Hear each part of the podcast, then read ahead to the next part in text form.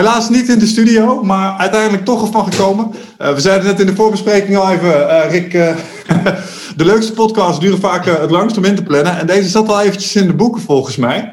Ehm, maar ik ben echt super blij om jou nu eindelijk eens een keer te spreken, man. welkom bij de podcast. Dankjewel, dankjewel. Hartstikke leuk. Ja, uh, ik, ik, vind het met name leuk om, uh, om jou te spreken, omdat jij uh, en ik echt wel in, zelfde, ons in dezelfde vaarwateren begeven. Jij houdt je ook bezig met hoe je vooral slimmer kunt werken en meer dingen voor elkaar kunt krijgen. En jij hebt daar een prachtig boek over geschreven, het boek Grip. Echt op voorhand allemaal complimenten. Het echt zeer volledig.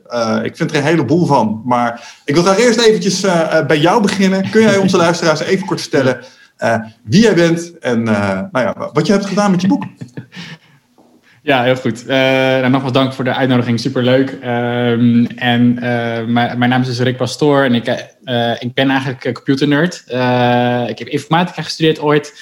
en toen ben ik mijn eigen bedrijfje gestart, alle apps gemaakt en software voor bedrijven. En toen dacht ik op een bepaald punt, oké, ik wil echt aan iets werken wat uh, net iets, ja, wat, wat een, eigen, een eigen product is. Dus ik wil eigenlijk graag eh, met een start-up mee gaan doen. Toen ben ik via via bij, bij Blendel terechtgekomen. Ja. Um, Blendel is een, uh, of was eigenlijk, het bestaat nog steeds, maar het is net uh, overge, overgenomen. Een journalistieke start-up. we maakten een product waarmee je online uh, kon grasduinen, kan grasduinen in krant en tijdschriften. Maar dan mhm. in eerste instantie was dat per, per artikel betalen.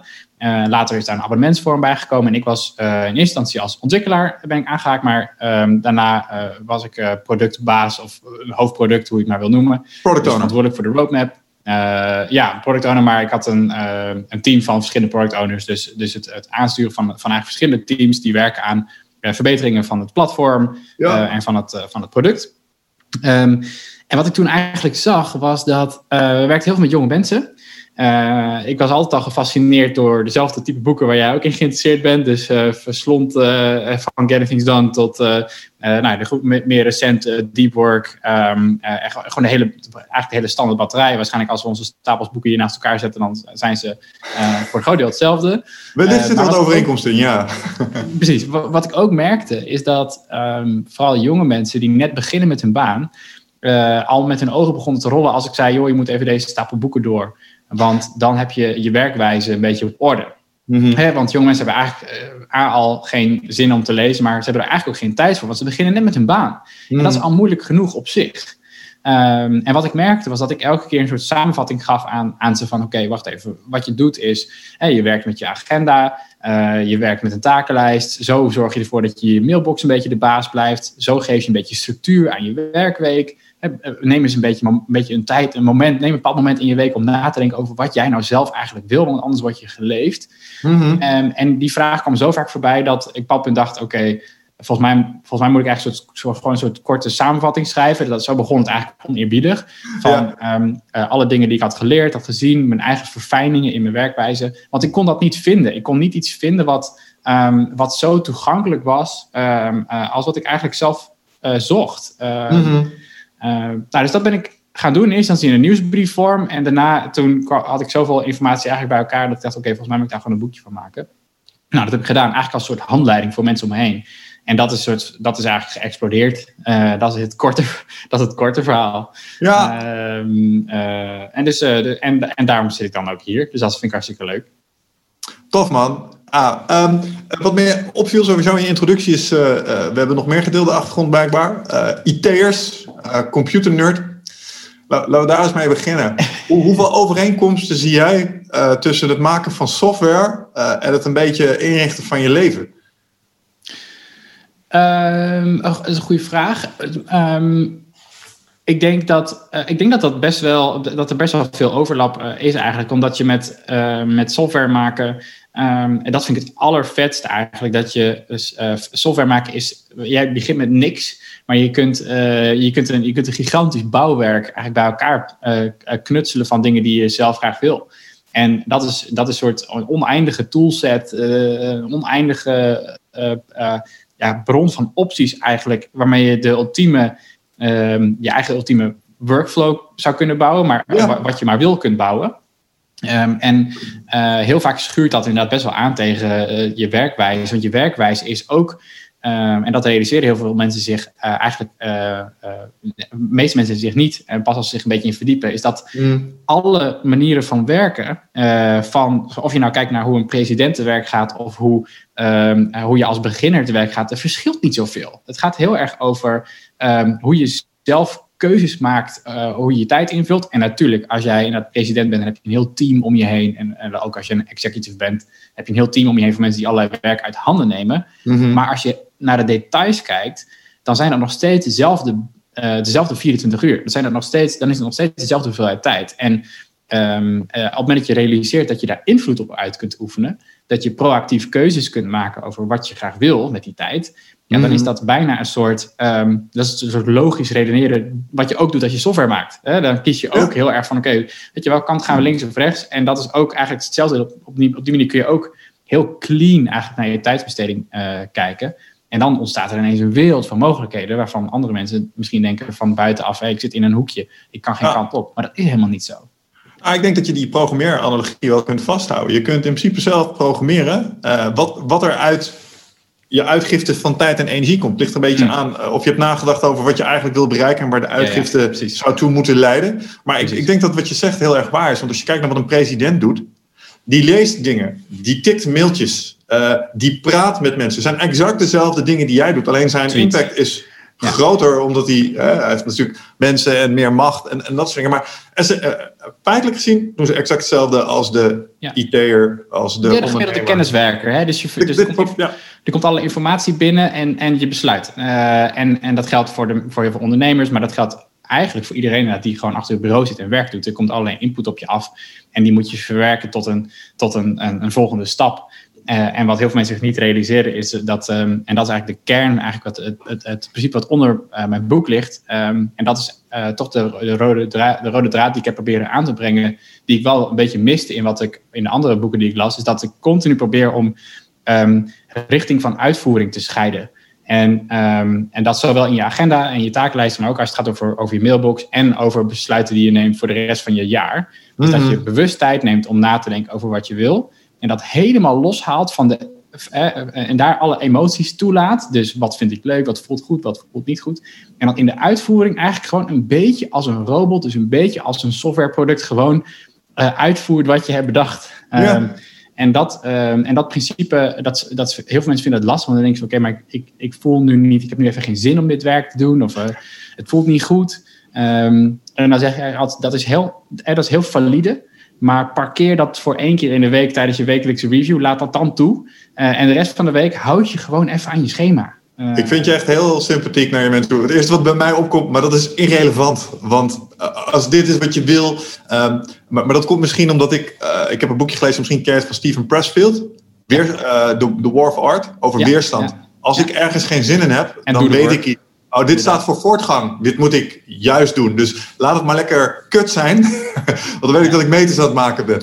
Nee, maar dat is ook zo. Alleen wat ik merk, en dat is uh, ik denk ook een verschil. Um, uh, en daar heb, ik, daar heb ik met mijn team van editors heel erg aan gewerkt. Dat waren namelijk allemaal mensen die uh, nooit zelf veel boeken lazen. En ik denk ook dat dat toch een van de redenen is dat Um, uh, uh, ondanks dat ik een handleiding heb geschreven, wat in principe bedoeld is voor een heel klein groepje mensen, dat nu door heel veel mensen gelezen is, ja. dat, um, dat ik heel erg mijn best uh, heb gedaan samen met hen en vooral door het met, met al mensen te testen die nooit zelf veel boeken lezen, mm -hmm. om het Mhm. zo toegankelijk mogelijk te maken. Ja, en, dat en, dat, en dat is wel nodig dat wij, zeg maar, een beetje vanuit, dan praat ik even vanuit de, de mensen die al veel met zelf veel bezig zijn. Mhm. Wij vinden het eigenlijk best oké okay om onszelf een beetje te kastijden, hè, om gewoon een beetje te zeggen van mag ik af en toe wel pijn doen en uh, kom op, weet je wel. Maar uh, mensen die er voor het eerst mee kennis maken, die vinden dat echt, die vinden dat, die vinden dat echt heel eng. En die vinden Ja. dat, uh, en dat is ook niet echt lekkere binnenkomen. Maar als je zegt van, nou, weet je, uh, 80% van je week is gewoon doorbeuken. En dat doet gewoon pijn, weet je. Ja, dat willen Ja. mensen niet horen. Dan gaan ze ook niet beginnen.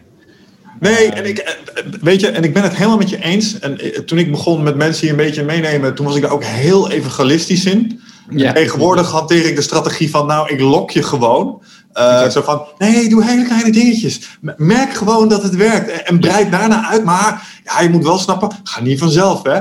Terwijl aan het begin zou ik hebben gezegd, hey, ja, net wat je zegt, het is gewoon 80% beuken. En uh, ja, hoezo, het doet pijn. Als je het Ja. niet doet, verdien je geen geld, heb je geen eten. Jammer joh, weet je Ja. wel. Maar je hebt gelijk, je hebt gelijk. Hey, uh, en, en als je dan even kijkt naar hoe dit tot stand is gekomen. Hè? Want je bent zelf hulpboeken ingedoken. Ja. Je, komt uit de IT. Ik doe nu even een aanname, maar ik denk dat die turbulente nogal, uh, die omgeving waar prioriteiten nogal snel wisselen en er altijd heel veel overwhelm is, ervoor gezorgd hebben dat jij op zoek bent gegaan naar antwoorden voor problemen waar je tegenaan liep uh, gedurende je werk. Ja, het is een combinatie van, van beide. Want in mijn tijd als, als zelfstandig ondernemer uh, merkte ik eigenlijk dat. Um, je, dan word je gewoon niet betaald als het werk niet af is. En dat was eigenlijk best een goede leerschool. Om te merken van hey, als het niet goed is, gaan klanten gewoon je, de factuur niet betalen. En, um, uh, en da, da, daar leerde ik van om ervoor te zorgen dat ik heel heldere afspraken moest maken over wat er geleverd werd. En dat ik heel duidelijk moest, uh, gewoon uh, voor mezelf een werkwijze moest vinden, waardoor ik gewoon ervoor zorgde dat elke maand dat geld binnenkwam. Want mm -hmm. ja, ik had helemaal geen, ik had op dat moment samen met, was met een compagnon, maar waren helemaal geen credentials. Er was geen, weet je wel, je hebt niks om, om het op basis van te zeggen van nou, mensen geven ons gewoon sowieso wel geld. Dat was niet zo. Dus, je, dus dat was heel erg, dat was in die zin heel erg nodig. Um, en uh, daar, op dat punt hadden we het zo goed dat het niet per se nodig was om, um, om zo heel hard te beuken. Maar toen ik bij Blender kwam, was dat wel zo. Dat het team groeide mm -hmm. uh, echt in, in een paar maanden tijd uh, van, van 10 naar 40, 50 mensen. Uh, en ik zat een soort van als een, als een spin midden in dat, in dat spel. Er waren, Martin en Alexander waren toen de founder. En die waren vooral gericht op de buitenwereld. Die, die waren niet per se bekend met hoe je software bouwt. Dat zijn ook journalisten van origine, niet per se -hmm. mensen die, die, die producten bouwen. Dus die dachten van, oké, okay, we flikkeren gewoon alles over de schutting naar dat team en dan komt het wel goed. Zo werkt dat natuurlijk niet. Klinkt als de klassieke sales-uitvoerkloof. Ja, en, het is, en dat doe, daarmee doe ik ze tekort, want, want um, uh, ze doen dat echt wel uh, beter dan de gemiddelde salespersoon die gewoon zegt tegen een uitgever, uh, wil je dit, oké, okay, dan gaan we dat maken. Zo was het echt niet, maar nee, nee, nee. zij waren bezig met fundraising, ze waren bezig met allerlei dingen aan de buitenkant, zorgen dat er deals waren met, uitgevers en aan de, aan de binnenkant ja, moest er gewoon van alles op tijd klaar zijn om ervoor ja. te zorgen dat je een goed product hebt staan. Nou, en dat, um, uh, dat kwam bij mij en ik merkte dat ik, dat ik heel snel een methode moest hebben om niet gewoon maar meer werk in mijn, in mijn week te proppen, maar dat ik daar strenger in moest kiezen. Want anders ging ik daar zelf, weet je, was ik gewoon alleen maar met mijn werk bezig, overdag, s'avonds en het weekend. Ja. Um, en, en dan moet je um, betere keuzes gaan maken upfront over waar je tijd aan besteedt, dan moet je zorgen dat je werk beter batcht. Dat dat, dat, dat meer, uh, dat je de, de, dingen achter elkaar doet waardoor je sneller bent. Mm -hmm. En je moet leren nee zeggen. En, um, uh, en dat is wat, heel, wat ik nog steeds om me heen heel erg zie. Is dat mensen zeggen, ik moet leren nee zeggen. Maar wat ze eigenlijk zeggen is, ik heb geen informatie om helder nee te kunnen zeggen. Het is heel moeilijk om tegen je baas te zeggen ik kan er niet meer bij. Als de eerste vraag natuurlijk gaat zijn: oké, okay, maar waarom dan niet? Ja. En als je vervolgens geen input hebt, dan, dan, dan, zeg, dan zeg je: ja, weet ik eigenlijk niet goed. Oké, okay, kun je alsnog je best doen om het alsnog te doen? Dan, dan heb je geen ruggengraat, natuurlijk niet. Is super moeilijk. Dus dan zeg je: nou, ik ga mijn best doen. En zit je weer tot 8 uur, 9 uur, 10 uur s'avonds dat werk te doen. Uh, en wat ik, wat ik merkte was dat mijn agenda eigenlijk de perfecte manier was om ook tegen hen te kunnen zeggen, intern te kunnen zeggen, jongens, kijk maar gewoon even naar wat ik heb staan. Mm-hmm. Mijn tijd is vol. Dus kies maar wat je wil. Ik kan of uh, aan dit plan werken, kost me een dag, of ik kan aan je andere verzoek werken. En dan zeiden ze, oké, okay, wacht even, nou dan moeten we kiezen. Dus kunnen we niet allebei? Nee, kan niet allebei. Oké, okay, nou dan kiezen we voor A. En ineens heb je ja. lucht. Nou, dat, dat principe had ik uh, keihard nodig. En toen merkte ik ook van, hé, hey, dat is Um, dat is helemaal niet zo vanzelfsprekend. Uh, dat, mensen dat, uh, dat, dat, dat mensen dat lukt of dat mensen dat doen. Um, nee. Nou, dus ah, nou, dat, dat vind ik wel een mooi aanknopingspunt om even een klein stukje de techniek in te gaan. want wat, ik, wat ik fijn vind aan je methodiek en waar we hetzelfde over denken, is dat je zegt, je agenda is in principe gewoon heilig. Zet shit in je agenda. Ja. Um, en ik ben wel even benieuwd hoe, hoe jij aankijkt tegen wat je in je agenda zet, hoe je ervoor zorgt dat de juiste dingen op de juiste plek terechtkomen. Want hier zie je meer mensen mee worstelen. Ja. en mij valt altijd op dat als mensen hun agenda gaan gebruiken, dan, dan leren ze een, een paar lessen. Drie, drie hele belangrijke. Eén, shit, wat heb ik veel op mijn bord liggen? Ja. Zeker als ik alles wat langer dan een uur duurt in die agenda ga zetten. Ja. Twee, wat overschat ik structureel mijn eigen productiviteit? Want ik zet hier iets neer. Dat lijkt een uurtje. Ik denk dat kost een uur. Oh, vier uur later. Um, en ik onderschat complexiteit. Dat is eigenlijk wat er vaak aan ten grondslag ligt. Ja. Um, dus ik was helemaal, helemaal gelukkig toen ik dat in je boek las. Van ja, ja, precies, je moet het in je agenda gaan zetten. Preach it. Um, hoe, hoe doe je dat in de praktijk? Nou ja, dus wat, wat ik hier altijd bij zeg is uh, ook weer, dat is ook weer een beetje toch, toch terug op dat punt van maak het zo toegankelijk mogelijk en een beetje smeuig ook. Um, want um, mensen gaan dit, zeggen dit direct. En dan zeg ik eigenlijk altijd, dit is waarom je dit doet. Dit, maar, dit inzicht dat het niet past, is waar je, waar, dit is de hele reden om dit in je agenda te zetten. En wees daar niet heel verdrietig over of maak, maak dat niet het punt waarom je afhaakt. Want Um, uh, en uh, jullie luisteraars hoeven dit helemaal niet te horen, dus we hoeven je niet heel lang, heel lang, want die weten dit wel. Maar je agenda is, uh, is de, de een, eigenlijk het enige hulpmiddel wat eindig is. En dat is super fijn, want het geeft je dus inderdaad dat inzicht dat je een takenlijst kun je gewoon op dingen op blijven schrijven. En dan kun je het de volgende dag weer opnieuw overschrijven. Sommige mensen doen dat nog steeds. En dan uh, afstrepen wat er gebeurd is en hou je nog een setje over. Waardoor je een totaal onrealistisch beeld hebt van wat je kunt doen in een dag. En die agenda maakt dat heel erg uh, inzichtelijk. Ja. ja. En wat ik dan zelf merk is dat het vergeeflijke van elke week die wekelijkse review doen en daarin zien uh, waar het misliep en dan gewoon denken, oh dat is een fijn inzicht, volgende week pas ik het aan, is heel lekker. Dus het is niet zo dat ik dan uh, vier, uh, vier, uur uitloop heb. Inmiddels heb ik, ik moet zeggen, ik heb dat eigenlijk nooit, dat, het echt zoveel langer duurt, dat het vier keer zoveel tijd kost. Nee. Maar dat komt omdat er één, toch dat ik zorg voor een buffer van anderhalf uur per dag waarin er niks staat. Hè, dan heb je gewoon wat, wat schuif, schuifruimte. Dat komt ook omdat um, je beter wordt in, in het inschatten van je werk. En ook dat is iets waarvan ik, uh, bij, met name bij software engineers moet ik zeggen, uh, maar bij meer mensen merk, is dat de eerste reactie is, je kunt nooit goed schatten hoeveel tijd dingen kosten. En dan vraag ik nee. eigenlijk altijd, heb je dat alles geprobeerd? Hè? Gewoon structureel. En dan hebben ze dat nooit gedaan. Dus nou, het is een soort uitvlucht.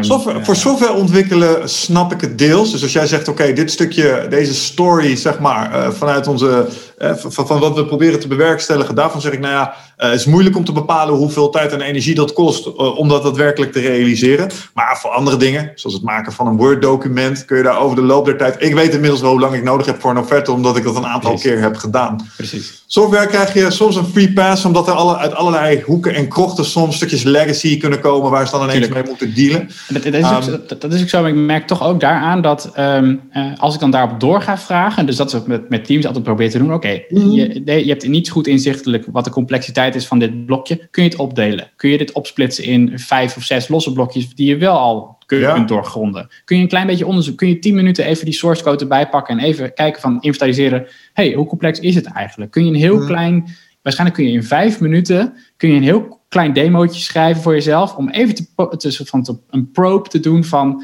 Uh, is het echt complex wat ik in mijn hoofd heb of niet? En dan met die informatie, wat je maar een paar minuten tijd kost... kun je wel zeggen of het, of het je een dag kost of een week. Weet je wel, die, dat onderscheid kun je waarschijnlijk wel maken. Eens, eens. En, en nee, die, je, hebt, je hebt me overtuigd. En ja. die stap uh, kun je... Ik, ik, merk gewoon dat dat... dat is al een beetje onerbiedig, maar dat is toch heel vaak luiheid van onszelf. Dat we denken, we kunnen niet inschatten, laat maar... Dus ik zeg tegen mijn baas, kan niet inschatten, gast, vraag me niet om een planning. Terwijl uh, het is alleen maar gunstig voor jezelf als je gewoon trefzeker kunt zeggen, ik heb even over nagedacht, dit deel kost drie dagen om het goed te doen, dit deel kost een dag om het echt goed te doen. dus ik ben een, we reken een week, zitten we safe. Nou, en dan krijg je ook een week en dan kun je het echt goed uitvoeren. Nou, wat, wat, denk jij dat de primaire motivatie is? Als we, als we dan nog even over dat planningstukje door, doorzagen. Als je dan kijkt naar, je vraagt iemand om een planning hij stagneert erop. Ja, het is een pijnlijke exercitie om even de details in te duiken als je druk voelt van andere activiteiten. Mm. Die volg ik wel. Mm. Maar als ik kijk naar hoe ik zelf soms dacht, toen mij planningen werden gevraagd, dacht ik, ja, als ik hier nou iets ga zeggen, dan word ik er misschien aan gehouden. Uh, en misschien wordt wel inzichtelijk dat ik het uh, of niet zo druk heb, of dat het minder complex is en ik wil een beetje ruimte voor mezelf pakken, omdat ik anders non-stop onder druk sta. Heb je daar ja. inzichten over? Nou, wat ik wel heb, heb gemerkt is dat um, uh, uh, ik dan ook daarop doorvraag van hey, waarom, durf je dit, uh, waarom durf je dit wel of niet aan te geven? Ja. En dat ook daar het, vooral het gevoel heerst dat daar geen ruimte voor is. En dat er, dat er het gevoel heerst van ik heb een vraag gehad over, weet je, kunnen we, kunnen we X? En dan, is de, en dan, is het, eh, dan, dan denk je vanuit jezelf, omdat je niet het hele plaatje overziet, oké, okay, dat is waarschijnlijk super urgent. Want, het moet, want anders wordt die vraag niet gesteld. Dus er is helemaal geen enkele ruimte voor, uh, voor een beetje speling. Terwijl, en dat wordt dan niet gevraagd, dus dat is dan, onbewust, zeg maar, dat is dan allemaal onbesproken. Dus in jouw hoofd als engineer zit dan al, er zit mega grote druk op. Terwijl als je het vervolgens gaat uitleggen of daarover in gesprek gaat, dan blijkt, ja, ik heb dit gewoon gevraagd. Uh, en ik kan misschien wat gehaast over, maar het kan best twee dagen wachten. Helemaal als, het, um, als de kans dan kleiner is dat het daarna weer stuk gaat. Want dat is ja. ja in haastige spoed, uh, dan gaat gewoon, uh, gaan gewoon dingen kapot. Dus ik merk toch dat dit, dit nou, laten we zeggen 70, 80 procent is onuitgesproken verwachtingen. en onervarenheid van de, van de kant van, van de, degene die het moet uitvoeren. Uh, en een soort misschien bijna angst. Of van ja, maar ik durf niet te zeggen dat het, dat het iets langer duurt. Ja. Wel, uh, uiteindelijk, bottom line, we willen allemaal het liefst een oplossing die gewoon één keer staat. En dat je vervolgens nooit meer naar om hoeft te kijken. En dat is best een pitch die je goed kan maken naar, naar de, de, meest drukke uh, senior. Zo van jongens, ik, ik heb gewoon even goed over nagedacht. Dit is mijn data. En dit is hoeveel tijd het kost. En dan staat het ook gewoon echt als een huis. Ja. Dus en, dan, en is er een klein deel uh, van de. Van, eh, dan is het dat, dat dingen echt onder de druk staan en dat het gewoon echt moet. Nou, ik had dat recent, want ik heb net um, een stukje product management gedaan voor de, voor de Coronamelder app. Um, daar, uh, daar lag nogal een strakke deadline. Die niet, weet je wel. ja. okay, dan moet die test live landelijk. dat was half augustus. En daarna moest, zou het 1 september helemaal af moeten zijn. Daar was nul ruimte. Hè, want dat was gewoon. Het staat in de brief aan de Tweede Kamer. Punt. Weet je wel, ja, kun je over onderhandelen. Wat je wel kunt doen als team is vervolgens gaan kijken, oké, is er nog iets wat wij kunnen doen in de, uh, in de manier waarop wij het opgezet? Want je kunt maar aan, hè, als je de, de, de driehoek hebt, uh, als je de tijd niet kan veranderen, dan kun je misschien aan de, mens, aan de menskant nog iets doen, of je kunt aan de scope iets doen. Nou, de ja. menskant konden we ook eigenlijk niks aan doen, klein beetje nog, dus we konden we een beetje, aan, aan, een beetje mensen bijschakelen. Maar we konden vooral kijken naar de scope, uiteraard. Dus dan ga je toch daarover met elkaar uh, in gesprek en dus die driehoek uitleggen.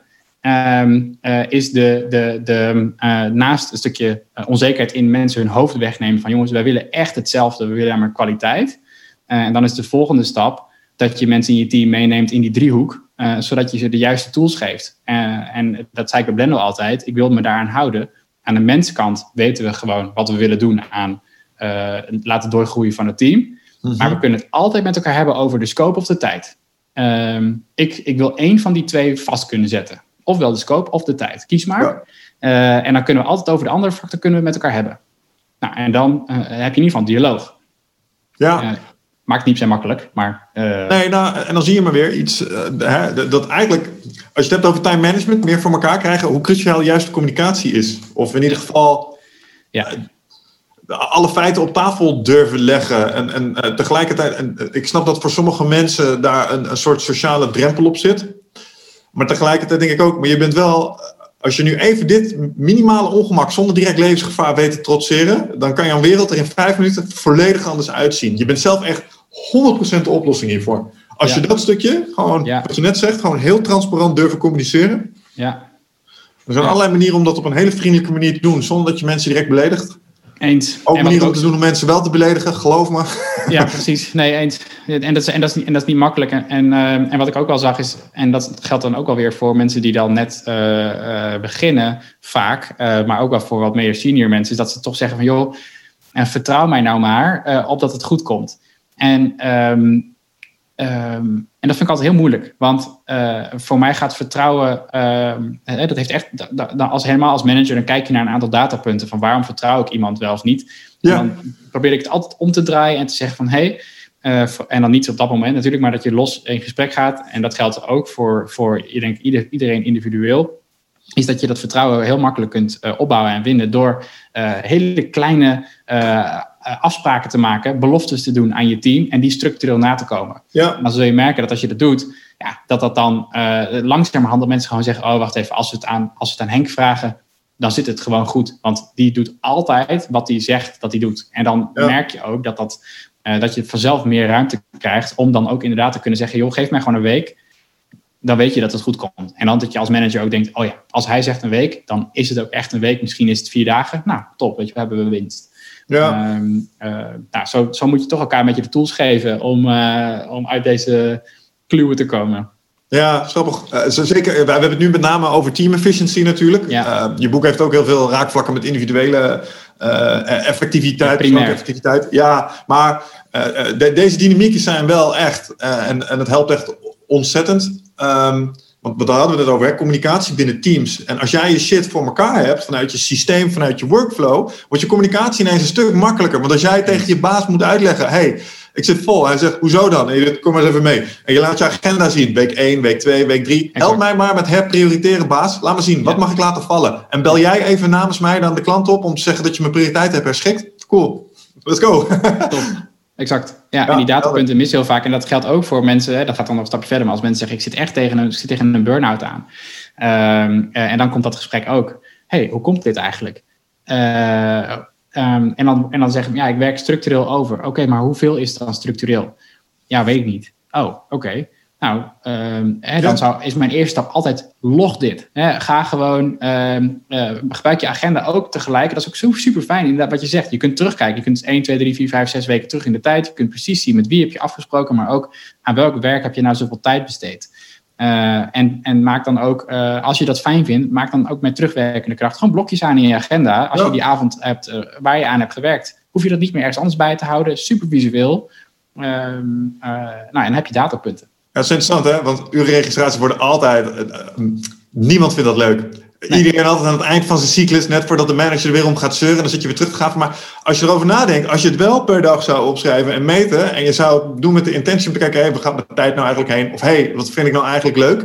Na een weekje of twee kikt patronenkenning echt in, hè? En dan kan je het gewoon echt zien. Ja, ja loggen, heel, heel belangrijk. Ja. Ja. Leuk man. Hey, en nog één techniekvraag over de agenda. Uh, werk jij met iets als roosters of dammetjes in je agenda? Um, nee, eigenlijk niet. Ik merk dat, dat uh, ik geef wel die, uh, ik ben benieuwd wat je met dammetjes uh, bedoelt trouwens, want dat, dat begrip ken ik, maar, maar een soort van rooster neem ik aan dat je een soort van blueprint hebt onder je week, waar je, een soort van wat je dat volgt. Ja. Um, ik denk dat ik het, ik heb het niet meer zo visueel, ik doe het onbewust wel, want onbewust weet ik, ik ben s ochtends vroeg het meest scherp. ik doe het liefst mijn, mijn denkwerk, schrijfwerk, creatieve werk in de ochtend. Ja. Uh, of uh, in de avond, maar ik heb nu twee kleine kinderen, dus uh, ja, het, dat gewoon, vergeet het, ja. ja. vergeet het maar. Dus die ochtend is voor mij echt wel, eigenlijk wel echt heilig. Dus ik wil die momenten voor mezelf, en, en dat merk je dus ook, dat is meer onbewust. Dus ik, als ik in mijn weekly review mijn week aan het plannen ben, dan, ga ik, dan weet ik al, als daar meetings staan die ik eigenlijk, waar ik gewoon niet veel zin in heb, dan ga ik die al wegschuiven. Want dan voel ik ja. al, oh ja, dat, is, dat moet ik eigenlijk niet doen, dat is mijn, mijn beste tijd. dus dat is, dat is wat ik wel doe. Wat bedoel je met dammetjes? Uh, het, het, van tevoren vastleggen van downtime uh, was een tip van Richard de Let. Die legde dat heel mooi uit met dammetjes. Zegt, wat ik van tevoren doe is mijn family time, mijn trainingstijden, uh, potentieel weekly review, tijd voor reflectie, whatever. Leg ik van tevoren vast in de agenda. En de rest van de tijd loopt toch wel vol. Um, en, en dan heb ik die tijd alvast gereserveerd. Dus als, als ik aan het zoeken ben naar een, oh ja. een, een timeslot om iets te doen, is die tijd al weggenomen en hoef ik mezelf er niet meer aan te herinneren dat ik daar eigenlijk ook nog iets had moeten doen met de familie. Om de werk-privébalans te bewaken bijvoorbeeld. Dat bedoelde hij met dammetjes. Ja, een goed punt. En in die zin doe ik dat als in wat ik merk. En dat is ook wat ik als, als tip geef. Mensen zeggen dan van ja, moet ik echt alles wat ik doe gaan vastleggen? Nou, mijn punt is dan uh, uh, in eerste instantie ja. Want doe dit maar eens. Dan zie je in ieder geval waar het heen gaat. En dan de tweede stap is als dit al onderdeel is van je systeem en je bent tevreden over hoe je tijd besteedt, gebruik dan die agenda vooral als stok achter de deur om de dingen te doen waar je, uh, waarvan je van tevoren merkt dat je met jezelf over in discussie gaat. Dus weekly review staat er bij mij sowieso in. Als ik wil sporten, staat dat er ook in. Als, er, uh, als ik een film ga kijken met mijn, uh, met mijn vrouw buiten de deur, staat er ook in. Maar als we ontspannen binnenshuis, hoeft dat niet. Want ik weet dat dat sowieso gaat gebeuren. Ja, ik snap het. En, en je kan ze ook een beetje als geheugenseintje gebruiken. Hè? Want ik heb Precies. met meerdere roostersoorten geëxperimenteerd. Deep flow, uh, weet je wat, deep work blokken. in de ochtend, sportblokken in de avond. Maar dat waren over het algemeen dingen die ik dan op een gegeven moment begon te negeren. Ja, wat voor mij wel werkt, is bijvoorbeeld dagthema's toekennen. Ja. Bijvoorbeeld uh, de dinsdag is een dag, dan mag ik dingen doen voor uh, 12 waves en voor eindbazen. Uh, en het liefst intern. Um, en de vrijdag is typisch een dag, dan mag ik wel extern. En dat helpt mij. En ik heb dat gedaan gewoon als kleine all-day events bovenaan in de agenda. Ja. En dan kan ik het gewoon zien. Ja. Um, wat ik ook doe is eens in de zoveel weken heb ik een soort deload week. Return home noem ik dat. En dat is een week, daar ga ik eigenlijk helemaal niet de deur uit. En, en wat helpt is als ik hem dan ook als een all-week event heb, is dan blader ik door die agenda heen en dan ben ik op zoek naar een moment om bijvoorbeeld dit met jou in te plannen. Ik noem maar iets. Dan zie ik, nee, nee, wacht even, dat is return home week. Ik moet nu eentje, precies, precies. eentje door. Dus op die manier rooster ik een beetje. Maar ik ben met je eens dat als je een tijdje dat ritme erin hebt zitten, heb je die reminders ook niet meer nodig. Want dan ga je vanuit jezelf, ga je in de ochtend bijvoorbeeld je, je werk wat je best in de ochtend kan doen inplannen.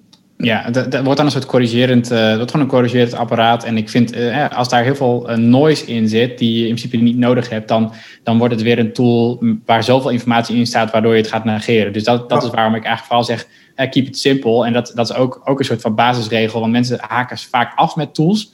En wat ik ook om me heen zie, is dat mensen dan geneigd zijn om daar complexiteit aan toe te voegen. Wat heel dom is, maar ook ja. heel logisch. Heel, heel voorspelbaar. Hè? Ik hou mijn e-mail niet vol. Oké, hoe kan ik nog een, een, een tool naar binnen rijden, nog een plugin, nog een ding wat me hierbij helpt. Terwijl, en dat geldt ook voor takenlijsten vooral, hè, weer een andere tool en weer een uh, nieuwe noten, een, een note-taking app. Terwijl mijn punt eigenlijk is, hey, als je het niet volhoudt, wat kun je aan complexiteit weghalen? Want uh, dat, dat zorgt voor meer overzicht, het maakt het logisch, het maakt het makkelijker vol te houden. Haal er maar eens wat dingen uit. En dat geldt dus, daarom zeg ik dus ook voor die agenda, als je niet volhoudt, oké, zet er dan minder dingen in. En dan bouw je het van daaruit op in plaats van meer. Goeie tip. Ja, die, die overdesign neiging. Ik denk dat het vooral IT'ers een klein beetje eigen is. Ik kijk naar jullie ontwikkelaars. Jeetje. Leg, leg eens een paar leuke tooltjes uit. En dan komen ze een week later terug in een masterclass. En dan hebben ze met Zapier hebben ze allerlei uh, koppelingen gerealiseerd. En zijn ze data aan het uitwisselen tussen tools. Ja, daar had je nog geen plugin voor. hey, dude. Ja, dat kost meer tijd dan dat het je oplevert. Eens. Nee, eens. Dus die neiging is misschien vooral te techneuten. Um, maar ik merk het, ik merk het uh, ook wel aan mensen die, die dus gewoon denken: van, ik, kan, ik hou dit niet, ik hou dit überhaupt niet vol. Uh, ja. Die daar ook mee worstelen. Dus het is, uh, maar inderdaad, ik, ik, herken ook heel erg de neiging bij mezelf om te denken: okay, kan ik hier niet iets voor maken? Kan ik niet een scriptje voor maken? En dan toch, ja, de, de, de, de dry regel is ook eigenlijk: ga pas toeltjes maken op het moment dat je twee of drie keer echt tegenaan loopt. Ga het eerst maar eens even één of twee keer, of in ieder geval twee keer, hè, gewoon dan is die duplicatie helemaal niet erg. Ja, uh, hey, vind ik wel even interessant, uh, want, want, je hebt het nu over tools, je hebt het over middelen. Uh, ik geloof dat een workflow procesondersteunend en niet sturend moet zijn. De tooling wordt dan erg belangrijk. Ik heb allerlei gemuteerde vormen van mijn workflow in, in applicaties proberen te proppen die er eigenlijk niet voor bedoeld waren of niet flexibel genoeg waren. Ja. Um, kun je me even meenemen in jouw toolinglandschap? Wat, ja. wat gebruik jij aan instrumentaria om je workflow zo gedurende een week, jaar, dag vorm te geven? Ja, dat is eigenlijk vrij simpel. Uh, en dat, dus, dus dat is, uh, ik gebruik OmniFocus uh, als, als takenlijst. Ik merk toch dat ik, zeg maar, ik ben ook van allerlei tools heen en weer geswitcht. Ook omdat ik mensen iets wil aanraden. Niet, niet eens zozeer omdat ik heel ontevreden over ben. Ik blijf de flexibiliteit en de, de, de, de kracht en ook de snelheid van OmniFocus met de native applicaties voor Mac super fijn vinden. Um, uh, dus, dus daar... Uh, dat, dat is je taskmanager. Dus mijn takenlijst, inderdaad. En, daar, um, en, en, ook vooral omdat ik daar uh, een heel aantal terugkerende... ik doe heel veel met terugkerende taken om er te helpen mm. om de juiste dingen op het juiste moment te doen. Dus ik heb bijvoorbeeld nu um, als onderdeel van de, eigenlijk de PR-voorbereiding voor de, de Engelse vertaling van het boek... doe ik elke dag een outreach naar iemand die ik nog niet ken om zo van pitch te doen om te kijken van hey, kan ik een recommendation binnenkrijgen. Dat is dan een ja. terugkerende taak, omdat die niet per se op een bepaald gegeven moment op de dag moet gebeuren. Het is ook niet zo heel erg als dat een keer een dag niet lukt, maar ik wil wel mhm. dat het bijna altijd gebeurt, dus daarom staat het in de, in de, in de takenlijst. Um, als dus dat is eigenlijk mijn, mijn, mijn, takenlijst. Ik vind ook de review-functie super fijn aan OmniFocus. Dus ook, zeg maar, dat mis ik een beetje in de andere takenlijsten. Bij OmniFocus heb je een soort losse tab waar je projecten op gegeven tijden weer in terug kunt laten komen als review. Um, en daar uh, hanteer ik per project een andere uh, review cycle. Hè. Sommige dingen die hoeven maar één keer in het kwartaal voorbij te komen, andere dingen één keer per jaar. Mm -hmm. um, uh, en de meeste dingen die gewoon elke week review ik die dan. en als, als agenda gebruik ik gewoon Google Calendar. Ja. want ja, ik bedoel dat de, de, de, en dan de webinterface. Ik merkte dat dat was in mijn Blender-tijd, maar daar, uh, als je veel met andere agenda's werkt, dan is er gewoon geen enkele andere tool die met heel veel agenda's uh, nog een beetje blijft performen. Um, uh, dus dat, is, dat vind ik heel prettig aan, aan Google Calendar. Maar wat er, wat er ook top aan is, is dat je gewoon met welke willekeurige andere client-app kunt verbinden met je agenda. Dus je kunt heel makkelijk switchen in de, hoe het eruit ziet. Um, daar merk ik dat ik op mijn iPhone uh, toch de Google Calendar app uh, blijf gebruiken. En met name vanwege de, uh, je kunt het natuurlijk niet laten zien, want mensen zien het niet in beeld, maar met name van, vanwege de, de widget um, die op mijn, die, zeg maar, je hebt natuurlijk nu nieuw widget op iOS. Ja. Maar ik blijf de widget, die, ik heb dus nu ook de, de, de Fantastical widget op mijn iPhone even neergezet om te zien hoe dat eruit ziet. Maar de widget, als je zeg maar naar links swipet, de oude widget zeg maar op iOS, Mm -hmm. uh, is nog steeds voor mij het perfecte overzicht van wat, er, wat de volgende afspraak is. Dus dat vind ik heel erg fijn. Um, uh, en in principe voor e-mail heb ik echt heel lang gewoon Gmail gebruikt. Want dat is ja. het best. Maar ik gebruik nu net sinds een tijdje uh, MimeStream. En MimeStream is, um, is ook een helemaal native Mac mail client. Eigenlijk best wel bare bones. Maar het fijne daaraan is, en dat doet geen enkele andere mail client, is dat hij dus de shortcuts van Gmail uh, accepteert. Ah, en check. van Gmail, dat zijn eenletterige shortcuts. En ik, zeg maar, ik snap nog steeds niet dat zoveel andere applicaties dat niet ondersteunen. Dus de, meest, de standaard Mac-applicaties en ook de meeste Windows-applicaties, dan moet je een soort combinatie van Command of Windows en dan maar Gmail, uh, alle Google-apps hebben allemaal éénletterige uh, shortcuts. Dus C is Compose en E is Archive en uh, A is Reply, reply All. Power users. Dat is niet voor iedere gebruiker bedoeld. Want sommige gebruikers gaan nou foutjes maken, denk ik. ik denk dat dat misschien is dat zo. misschien heb je hebt, gelijk. Want ik heb ook wel eens gehad dat mijn, mijn dochter dan zo, zeg maar, even zo, in mijn, terwijl Gmail open stond. En dan zag ik echt allemaal dingen gebeuren. oh nee, dit is niet dat ik, wat ik dit, dit moet echt niet gebeuren. Oh, maar, ehm, nou goed, dus daar, die app gebruikt, die ondersteunt die shortcuts. Dus die, dat ben ik nu de laatste paar weken ben ik dat aan het gebruiken. ben ik eigenlijk best wel happy mee. Um, even kijken, dus dat is e-mail. En dan gebruik ik, even zien, wat is er nog meer voor spannend? ik ben een groot fan van MindNote. Uh, dus voor, voor um, uh, dat is eigenlijk dus, niet, dus iets minder workflow. Maar als ik iets moet doen met brainstorming, en dat gaat dan vanuit uh, als ik bijvoorbeeld in mijn wekelijkse review nadenk, nadenk ben over wat de volgende stappen zijn, of in de kwartaalreview doe ik dat altijd. Maak -hmm. een mindnote met um, de verschillende gebieden, uh, verschillende categorieën, dus werk, privé, side projects, uh, als het gaat over geld, als het gaat over um, gezondheid. En dan maak ik daar een nieuwe brainstorm met de dingen waar, met mijn doelen waar ik aan wil werken in de komende, komende drie maanden. Ja, gaaf. Dus eigenlijk een mindmapping tool. Dat is een mindmapping tool, ja. ja, MindNote, ja ik, merk dus, ik merk dus dat ik eigenlijk altijd neig naar native apps. Uh, alle apps die zeg maar web zijn, behalve de Gmail, uh, eigenlijk de, de, de G Suite, uh, die vind ik eigenlijk altijd ruk. Dus, ehm, dus, ja, dat moet gewoon native zijn. En ik, heb, ik gebruik nog steeds Evernote als note-taking. Mm -hmm.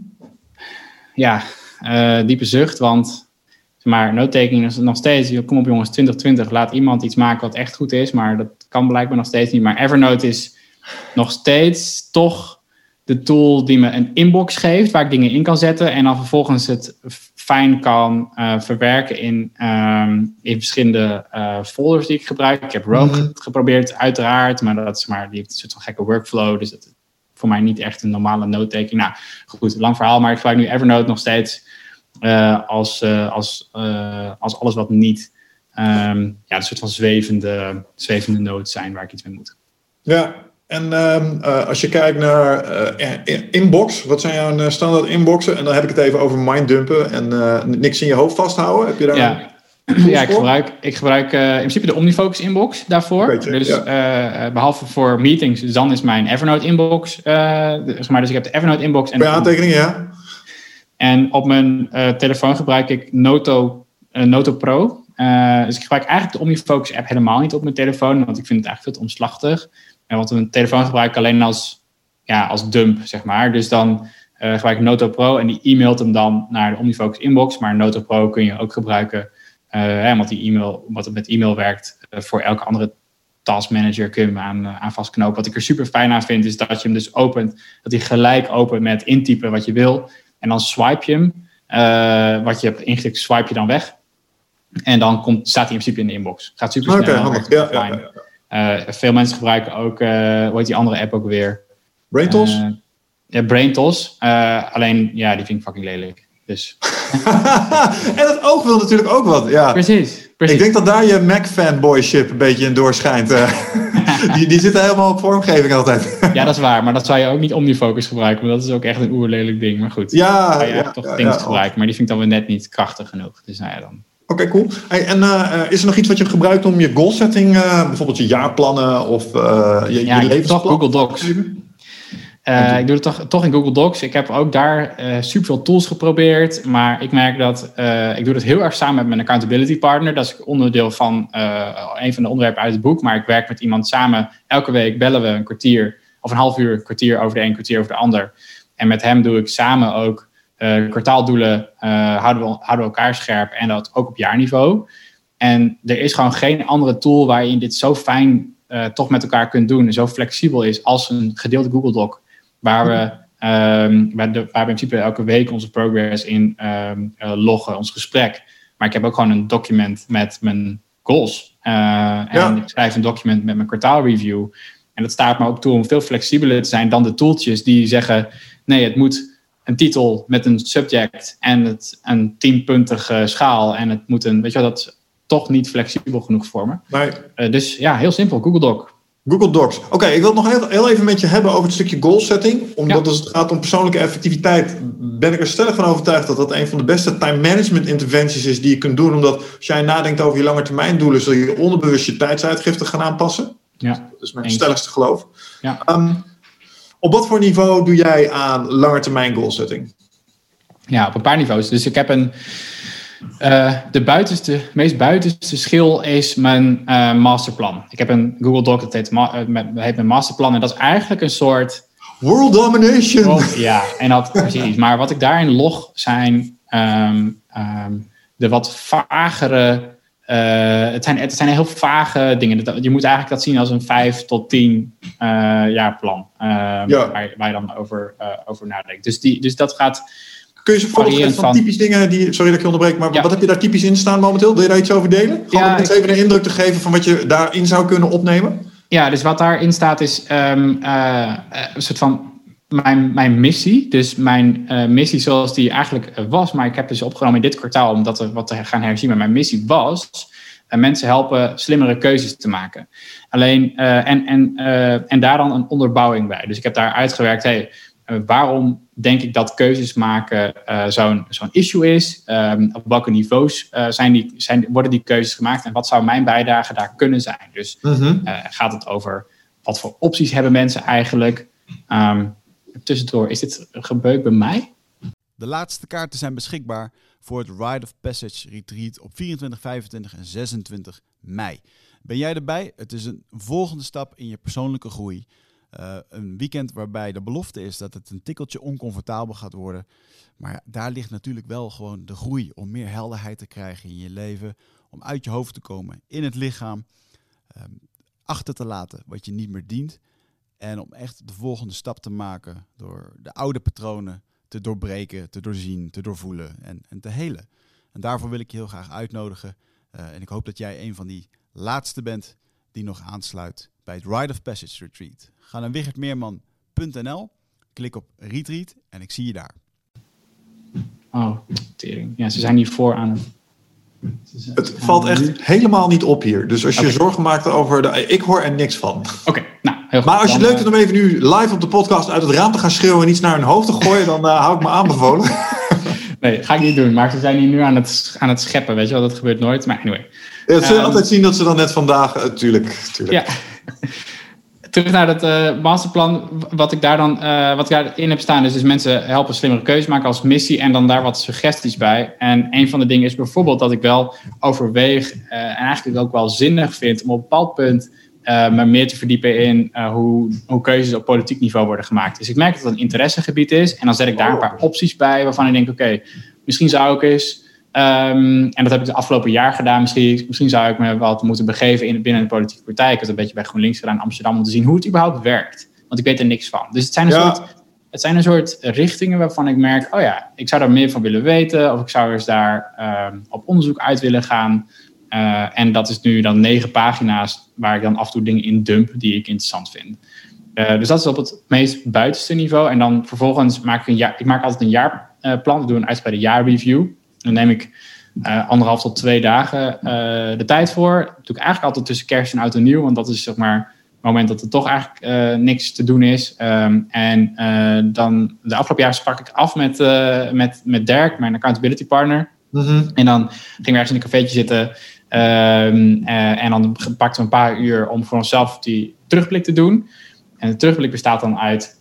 Mijn belangrijkste ding is door mijn hele agenda lopen van afgelopen jaar door al mijn notities van afgelopen jaar, door mijn dagboek van afgelopen jaar. Vaak day one, um, vrij intensief uh, daarvoor. daarvoor. Uh, dus daar loop ik door al die uh, aantekeningen. En dan heb je best een compleet beeld bij hoe je jaar was eigenlijk. En wat ik daar dan van vond. En wat ik heb meegemaakt, wat ik leuk vond en niet. Um, en daar komen dan vervolgens, uh, de tweede stap is dan een brainstorm doen in de breedste zin van het woord. Dus dan, oké, okay, wat zou ik qua werkdingen allemaal willen kunnen doen in het komende jaar? Mm -hmm. uh, maar ook allerlei andere facetten. Dus dat gaat, over, dat gaat niet alleen over werk, maar het gaat ook over privé. Het gaat over hoe ik mezelf wil ontwikkelen, waar ik wil wonen, waar ik, hoe ik wil leven. Um, en daar komen dan een aantal concrete doelen uit voor uh, het eerste kwartaal. Mm -hmm. Ik maak doelen op kwartaalniveau, niet op jaarniveau. Ik heb gemerkt dat als ik dat op jaarniveau doe, dan Um, ik weet niet hoe jij, dat, hoe jij dat doet, maar als ik het op jaarniveau doe, dan komt er eigenlijk geen zak van terecht. Want dan denk ik in november, oh ja, ik had ook doelen bedacht. Uh, misschien moet ik daar nog eens even kijken of ik dat nog kan halen. Nou, onmogelijk. Ja. Terwijl kwartaalniveau is, uh, en een maandniveau heb ik ook geprobeerd, maar op maandniveau is net te kort. Dan, is, dan heb je ze net bedacht in de eerste week en dan is je, dan is je tijd alweer half om. Ja. Een kwartaal is eigenlijk voor mij echt, echt perfect. Want dan heb je net genoeg ruimte om best wel pittige uh, dingen aan te pakken.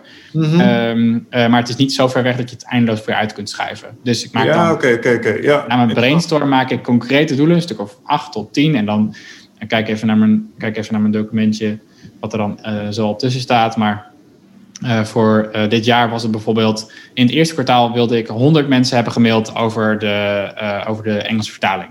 Nou, ja. en dan, dat is dan het doel. En dan breek ik dat op in per week, in de wekelijkse review... naar, oké, okay, wat wil ik daar dan deze week aan doen... om ervoor te zorgen dat ik daar kom. ja, twee mensen per week mailen als ik even kan rekenen.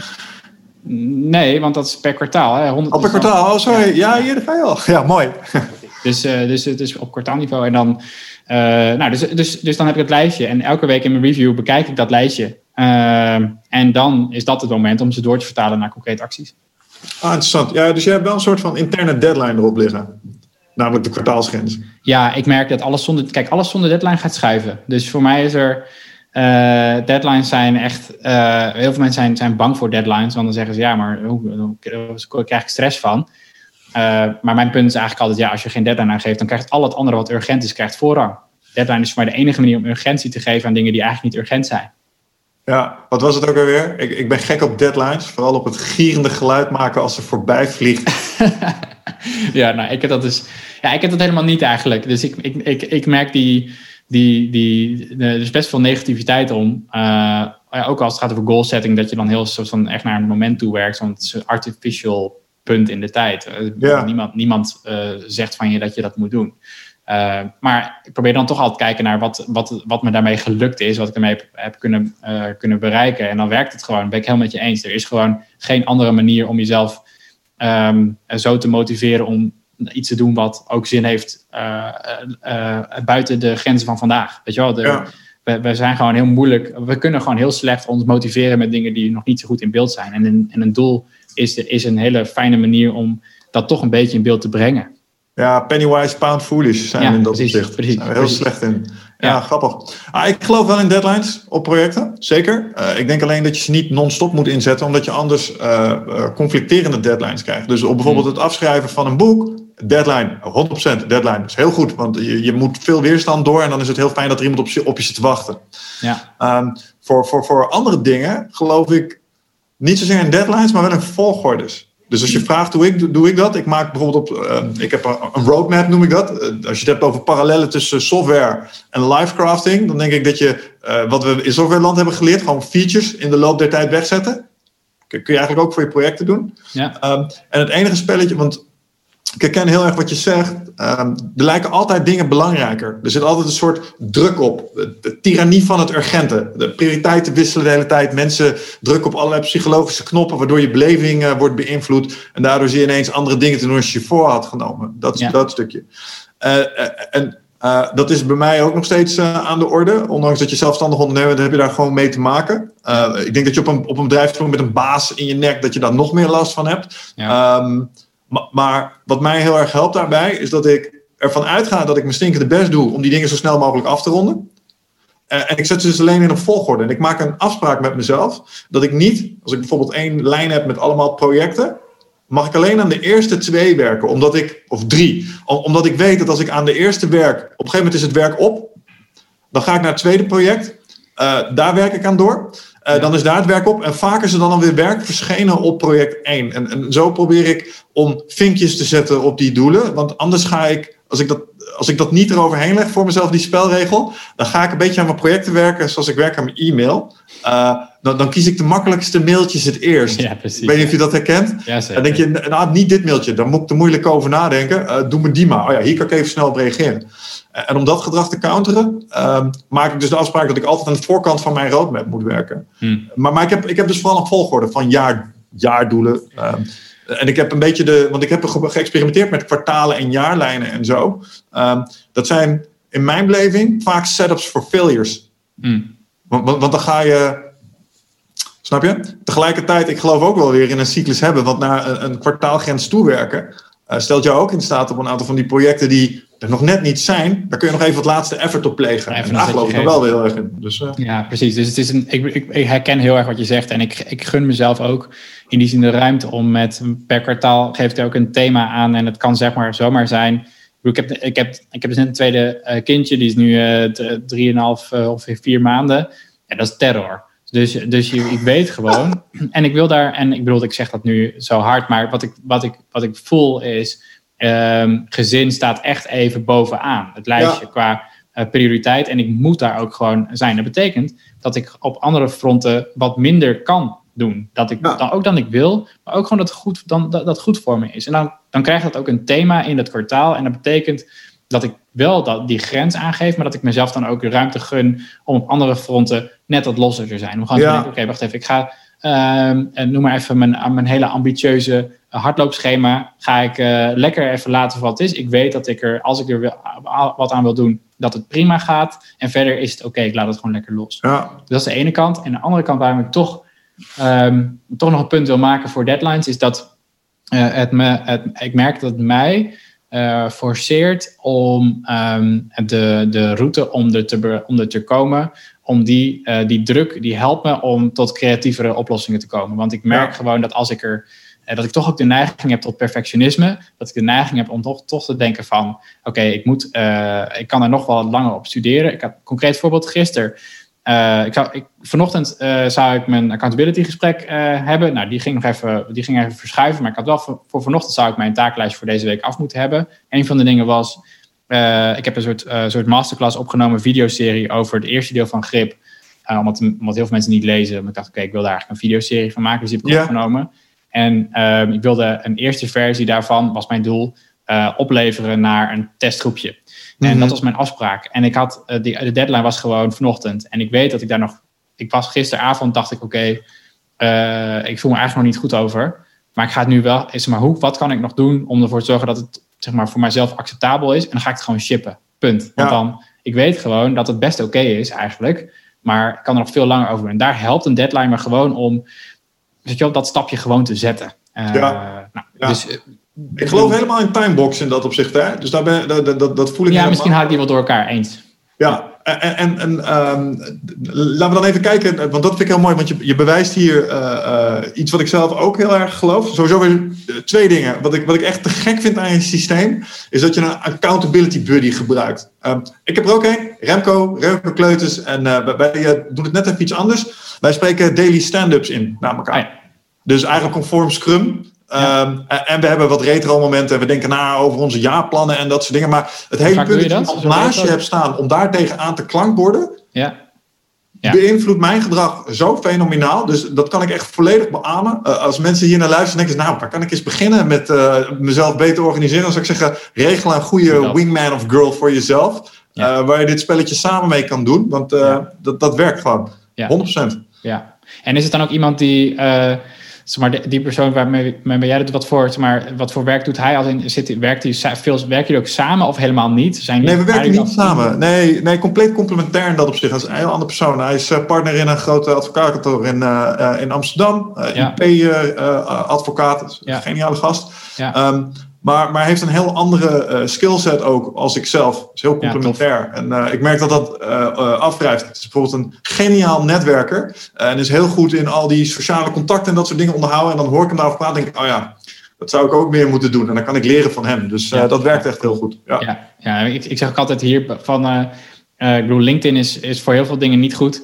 Maar, uh, maar hiervoor wel. Dus als je iemand zoekt, raad ik eigenlijk altijd mensen aan, uh, ga eens door je LinkedIn-lijst. Want dat is namelijk de, uh, een van de weinige sociale contactenlijsten waar we gewoon bijna willekeurig op accept klikken.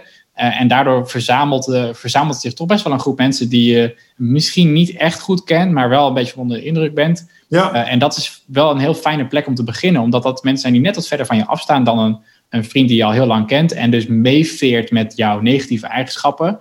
Uh, maar je wil eigenlijk iemand hebben die gewoon af en toe ook zegt: uh, Michel, gast, wat ben je nou aan het doen?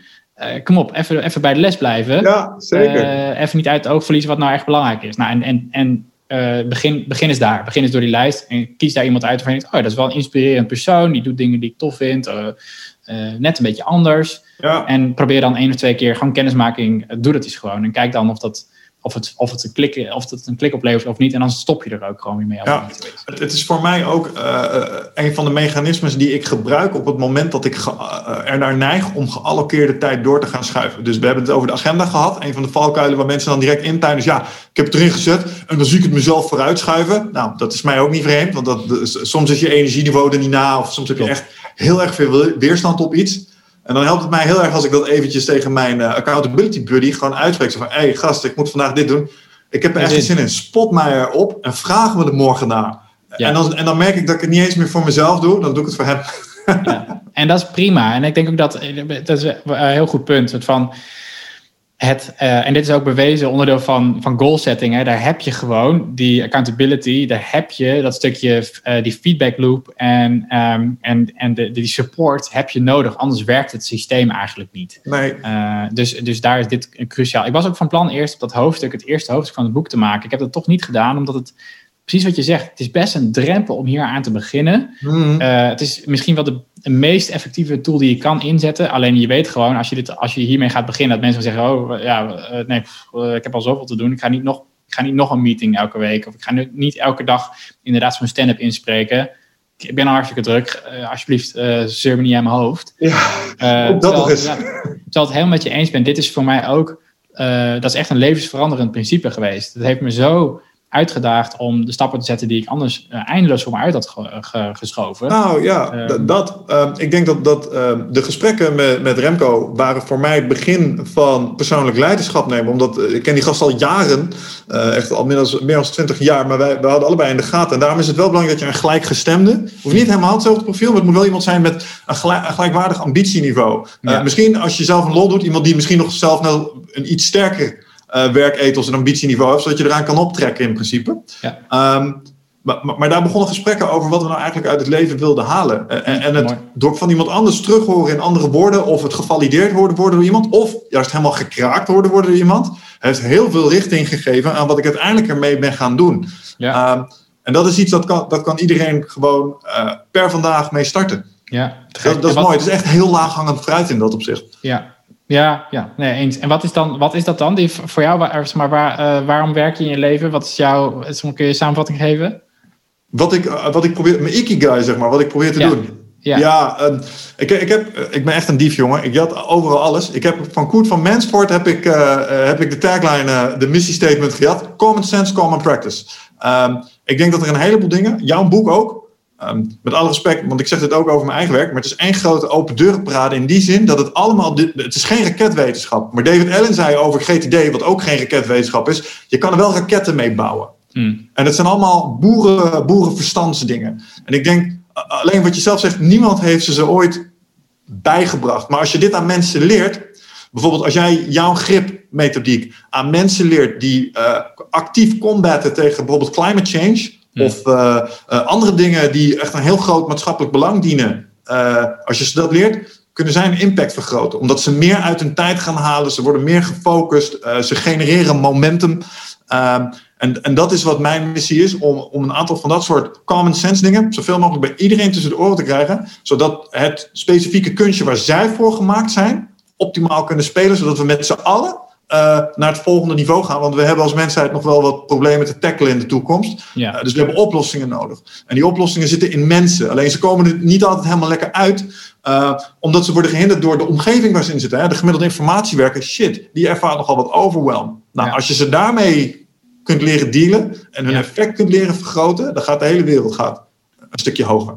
Ja. en dat, dat is wat ik probeer te doen. En, en ik denk dat, dat opleiding, ik noem dat future-proof education. Dus de, de toekomst zal van ons vragen dat we in steeds sneller tempo ons nieuwe kennisdomeinen eigen gaan maken. En daar zijn optim, optimale methodes voor. En ik denk dat wij als mensen echt het in ons hebben om heel ver te komen. Maar we moeten wel even onze kop uit de kont trekken nu en aan de bak gaan. Um, nou, en daar wil ik iets aan bijdragen op die manier. Ja, vet. Dus dat is hem. Ja, ja cool. Kijk, wat, wat, zeg maar, uh, haak daar een beetje op aan, omdat mijn inzicht eigenlijk van het afgelopen jaar is dat, dat uh, uh, dat, ik er minder, dat ik daar minder gelukkig van word dan ik dacht eigenlijk. Dus, dus de, uh, na, de, na mijn blendeltijd um, uh, heb ik eerst gedacht... oké, okay, ik ga een tijdje me focussen op alles wat er rondom het boek kan, kan gebeuren, kan plaatsvinden. Deze mm -hmm. bedoel, is een gigantische bak werk te doen. Er is een enorme vraag naar, want mensen, mensen worstelen inderdaad... wat je zegt, mensen worstelen hier heel erg mee. Maar ik merk dat ik zelf... Uh, dat is een inzicht van de afgelopen maanden, wat ik uh, toen gevraagd werd van, hey, wil je meehelpen met die coronamelder app? Dat ik weer helemaal in zo'n project dook, echt heel hands-on uh, een toepassing realiseren, zorgen dat het er komt en wat hopelijk een heel concrete bijdrage levert aan zeg maar, deze shit tijd waar we nu in zitten. Mm. en dat ik toen eigenlijk dacht, oh ja, ik word hier eigenlijk veel gelukkiger van dan het indirecte bijdragen aan de productiviteit van andere mensen. Um, dus, dus... Ja, maar dat is de IT-er in je, man. Ja, nee, Weet je wanneer ik dat heb? Als ik weer eens aan de website mag sleutelen. Precies. Dan heb ik een pagina gemaakt en denk ah, oh, dit is echt zo leuk. Ik ben vormgever geweest altijd, ik ben ook IT'er. Ja. En dan denk ik, oh, hier word ik zo blij van. Ik zou dit alle dagen moeten doen. En ja. dan voel ik weer die missie een beetje roepen. Zo van, ja, maar daar ben je ook iets begonnen, vriend. Dat moet je eerst even afmaken. ja, dus wat ik, wat ik merk, want ik, ik, herken dat heel erg. En, en aan de ene kant is het natuurlijk zo van, je wil de dingen waar je echt goed in bent, daar wil je, uh, daar wil je uh, op, op door uh. Hè. Daar, daar staat de wereld ook om te springen. Dus jij bent daar goed in. Dus geef alsjeblieft dat aan de wereld. Tegelijk um, wil ik voor mezelf, en dat is mijn doel voor de komende drie maanden, en misschien zelfs wel een thema voor het komende jaar, onderzoeken of er een gebied is waar ik nog veel meer rechtstreeks bijdrage kan leveren aan, de, aan een van de grote problemen die, die we hebben. En, um, uh, en dat kan dan zijn in de vorm van een, een leiderschapsrol, uh, waarmee ik juist mensen binnen, echt binnen de context van zo'n groot probleem kan helpen om zich meer te focussen om dat te versnellen. Maar ja. het kan ook zijn om juist inderdaad op productniveau na te denken over wat zou dat dan een groot ding kunnen zijn waar ik een bijdrage aan zou, zou, zou kunnen leveren. Dus dat ja. is wel. En daarin merk ik dus dat de, dat ritme van doelen stellen, van reflecteren, van nadenken, tijd nemen, um, uh, cruciaal is. Want anders dan ren je jezelf voorbij en dan mis je die inzichten. Ja. Uh, en, en, dan kun je je plannen zo niet bijsturen. Wat, wat ik, nou, dat vind ik een hele belangrijke van het reflecteren. En wat ik daar nog aan wil toevoegen, voordat ik je even ga aanmoedigen om vooral die ambitie te volgen, omdat ik denk dat het een onderdeel is van, van je proces. Want je hebt nu een methodiek neergezet. Nu moet je, dan ga je er iets mee doen in de echte wereld. Ga je weer nieuwe dingen leren. Want ik had er net even opgeschreven zo van, uh, over die politieke ambities van jou. Uh, sensemaking. Als ik kijk naar wat de wereld echt 100% nodig nu heeft, is het proper sensemaking. Juiste manier van informatie destilleren. Mm. Jongen, als je kijkt naar COVID, ik weet het niet meer. Ik ben echt helemaal het spoorbijster. Uh, en ik doe mijn best, snap je? Dus uh, als je de ge gemiddelde burger bent die dit allemaal ook gewoon overkomt, word je volgens mij alle hoeken ingepingeld. Uh, en ja. ik denk dat, dat dat niet alleen met, met COVID zo zal zijn, climate change, economie, en wat het ook is wat we voor de kiezen, alien invasion, whatever. je, je moet als individu zelf leren hoe je daar straks uh, mee omgaat en je eigen plan trekken. Uh, want je kan niet meer helemaal uit van de oude instituties die dat voor je deden. Dat, die tijd is voorbij. Uh, en, ik, en ik denk dat, dat er mensen nodig zijn om mensen dat te leren. En toen ik jou hoorde zeggen van nou, in die politieke partij, partijen kijken hoe ze besluitvorming doen. framing wordt dan eens super belangrijk. Ik vind dat we dat echt heel slecht doen tegenwoordig. Um, ik denk ja man, ga het doen. Want ik denk dat daar echt heel veel nog te fixen is. Als je kijkt naar, naar COVID alleen al en je kijkt naar de decision making, hebben we met Michaële Schippers toen ook over gesproken. Hm. Um, nou, ik denk dat we met z'n allen best wel een methode van werk hebben neergezet, namelijk de scientific method. En uh, ja. uh, die heeft ook voor dit soort keuzes uh, allerlei impact. Dus ja. nee, dat lijkt me echt helemaal, helemaal te gek. Super.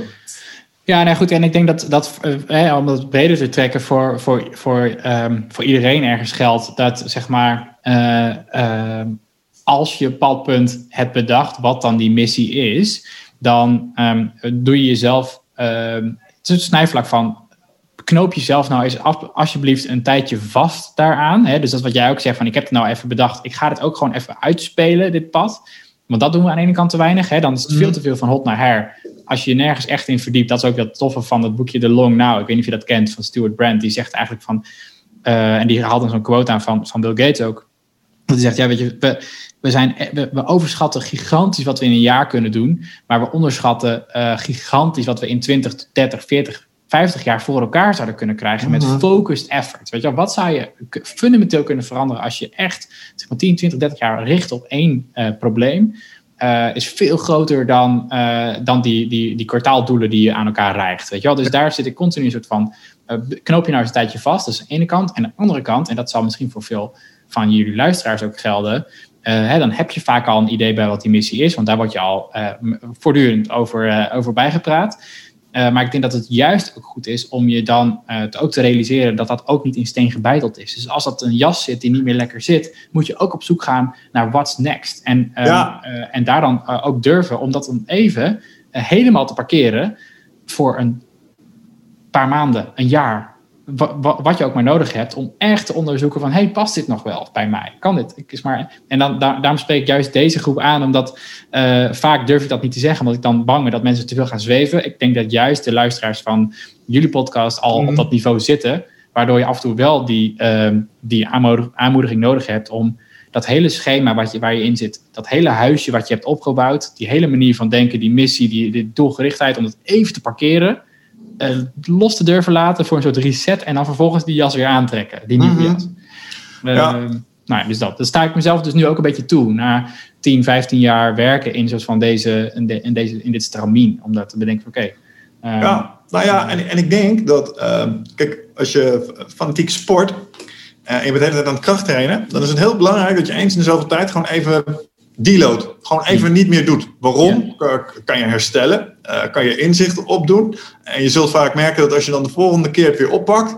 Uh, en je rust was niet te lang natuurlijk. Uh, dan ben je sterker dan dat je was. Dus dat herstel is echt uber cruciaal in, in, sport. En ik denk dat dat voor goalsetting en, en het najagen van doelen ook zo is. En dan, dan, dan mag het rustig een jaar of wat dan ook soms even in de, uh, op de Sunday maybe list, zullen we maar zeggen. later. Of, of het blijft gewoon op je roadmap staan. Uh, Maar dat is mooi aan het systeem. Ja. Het houdt het vast. Net zoals je, je hardloopambities. Prima dat ze nu even op een laag pitje staan. Als je, tegen de tijd dat jij er weer klaar voor bent, zitten ze waarschijnlijk ergens in je systeem, in je goals. Uh, en dan pik je ze vanuit je retro's, je reflectiemomenten waarschijnlijk wel weer op, omdat er ineens een thema vitaliteit in je kwartaal tevoorschijn komt of iets dergelijks. Precies. Uh, en, dan, en dan pik je hem daar wel weer op. En dat is heel fijn aan het werken van een systeem, want dan is het niet Nee, ik laat het helemaal gaan en ik heb gefaald. Nee, je, je kiest je uh, even iets bewuster in je uitgifte van tijd en energie. En je gaat dit later weer oppakken zodat je het goed kunt doen. Ja. Um, en dat moet je zelf durven gunnen. Ja. Iets wat ik nog even wilde aanraken vanuit die uh, reflectiemomenten uh, is: um, hoe ga jij om met het kijken naar je geboekte voortgang? Ja, heel slecht. Ik ben echt enorm slecht ehm, ik ben heel slecht in vieren. Ik ben heel slecht in mezelf. Ja, dat is een beetje waar ik heen wou. Ja, ja dus, dus, uh, en dat komt ook wel een beetje vanuit mijn, vanuit mijn opvoeding, denk ik. Ik, zeg maar, ik kom uit een uh, vrijgemaakte, niet mega streng, maar wel christelijke achtergrond. Waarbij het mm. ja, heel gaat over uh, goed doen voor de wereld en um, juiste keuzes maken, verantwoordelijkheid nemen voor dat wat je doet. Maar niet zo heel erg dan daarna dat op een, dat op een, op een voetstuk zetten en dan vervolgens daarnaar kijken en dan zeggen, wauw, ik heb dit gedaan, weet je, ik geniet hiervan. Daar ben ik gewoon niet zo goed in. Ik heb er andere mensen voor uh, nodig. Ik probeer dat samen heel erg uh, te doen uh, met, met mijn vrouw. Ja, dat we er de tijd voor nemen om daar elkaar ook, zeg maar, zoals een, dat aan te geven van, hey, weet je, kijk even terug, zie wat er lekker gaat. Mm -hmm. en ik merk wel dat het in de review kwartaal op kwartaalniveau, dus dat heb ik net afgelopen week gedaan, uh, is mijn allereerste stap is um, opschrijven alle dingen waar ik tevreden over ben. En dat forceren, ja, dat, weet je wat, dat maakt dan wel, en dat op jaarniveau helemaal, weet je, je bent het gewoon vergeten. Je bent het echt vergeten wat je hebt gedaan. En dan op detailniveau te zeggen, wacht even, ik heb toen tijd gemaakt om een dag lang met mijn vader uh, te gaan wandelen in de bossen. Dat was een super mooie uh, dag. daar moest ik een paar dingen voor opgeven, want het was een stressvolle tijd, maar dat was hartstikke mooi. Ik ben er trots op dat het, dat het gelukt is. Um, uh, trots op dat ik investeer in die relatie, et cetera. Nou, en, dat, en dat komt dan boven. En daar, dat is, dat is, dan forceer ik mezelf om daar dan even blij mee te zijn. Maar ik ben toch altijd fundamenteel gericht op, oké, what's next? Ja. Uh, dan terugkijken en daar heel, heel trots op zijn.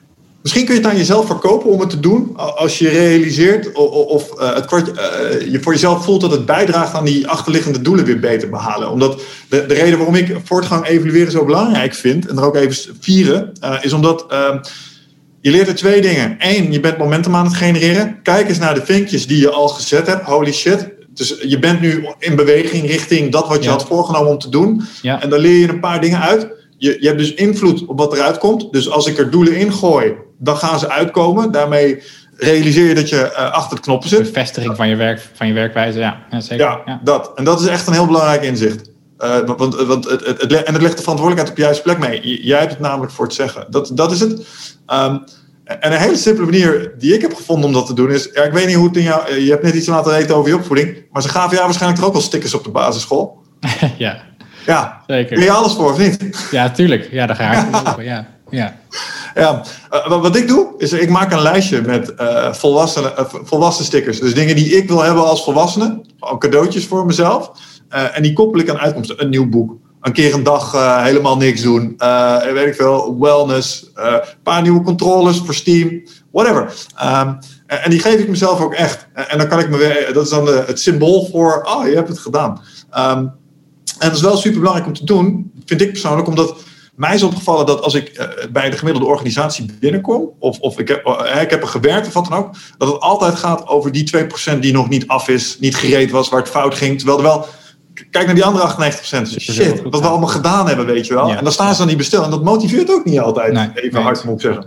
Ja, ja, tof. Dus, je, dus je, zeg maar, het, uh, nou ja, misschien is een deel van de werkwijze wel de stok, uh, maar besteed ook genoeg aandacht aan wat de wortel is. Eigenlijk dat is wat je zegt. Uh, ja, ik geef mezelf echt wortels om voor te rennen. Ja, nou. Zo simpel ben ik.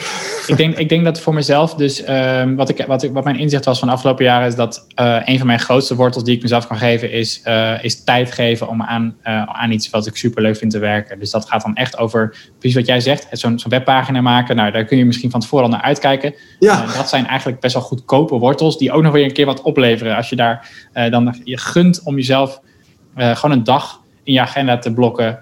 Uh, dus dat is één ding. En twee is voor mij um, de plek om te werken. Maar dat is meer, bijna meer workflow eigenlijk dan weer. Maar wat, dan zowel het, um, het doen van het werk, maar ook tegelijk de beloning is. Als ik op mijn, in mijn favoriete koffietent zit, die hopelijk binnenkort weer open mag ja. uh, na vanavond. Maar ja, goed. Uh, Grappig. Ja, nee, zo heb ik. Nou, exact dat. Loot-projectjes. Uh, even los van losse items kun je ook van dat soort ja, uitgiftes van tijd hebben. Zo staat er nog één op mijn lootlist. Ik mag ooit nog een keer van mezelf een, een time management effectiviteit gerelateerde video over World of Warcraft maken. Omdat, het, omdat mijn stelling is dat als je high-end kunt raiden in World of Warcraft. Ja. Dus in uh, de vanilla, Blackwing Lair en dat soort dingen. En je kunt zo'n guild runnen. Dan weet jij iets over time management. We hebben dat destijds gedaan. Ik heb er echt leiderschapslessen uit opgepikt en zo. Lijkt me hilarisch om nog een keer een video over te maken. Maar past het helemaal 100% binnen wat, we ons voornemen? Nee, dus dat moet een beetje een beloning zijn voor andere effort. Dus eerst ja. mijn boek af en dan mag er zoiets. Maar uh, ja, grappig, herken ik. Leuk.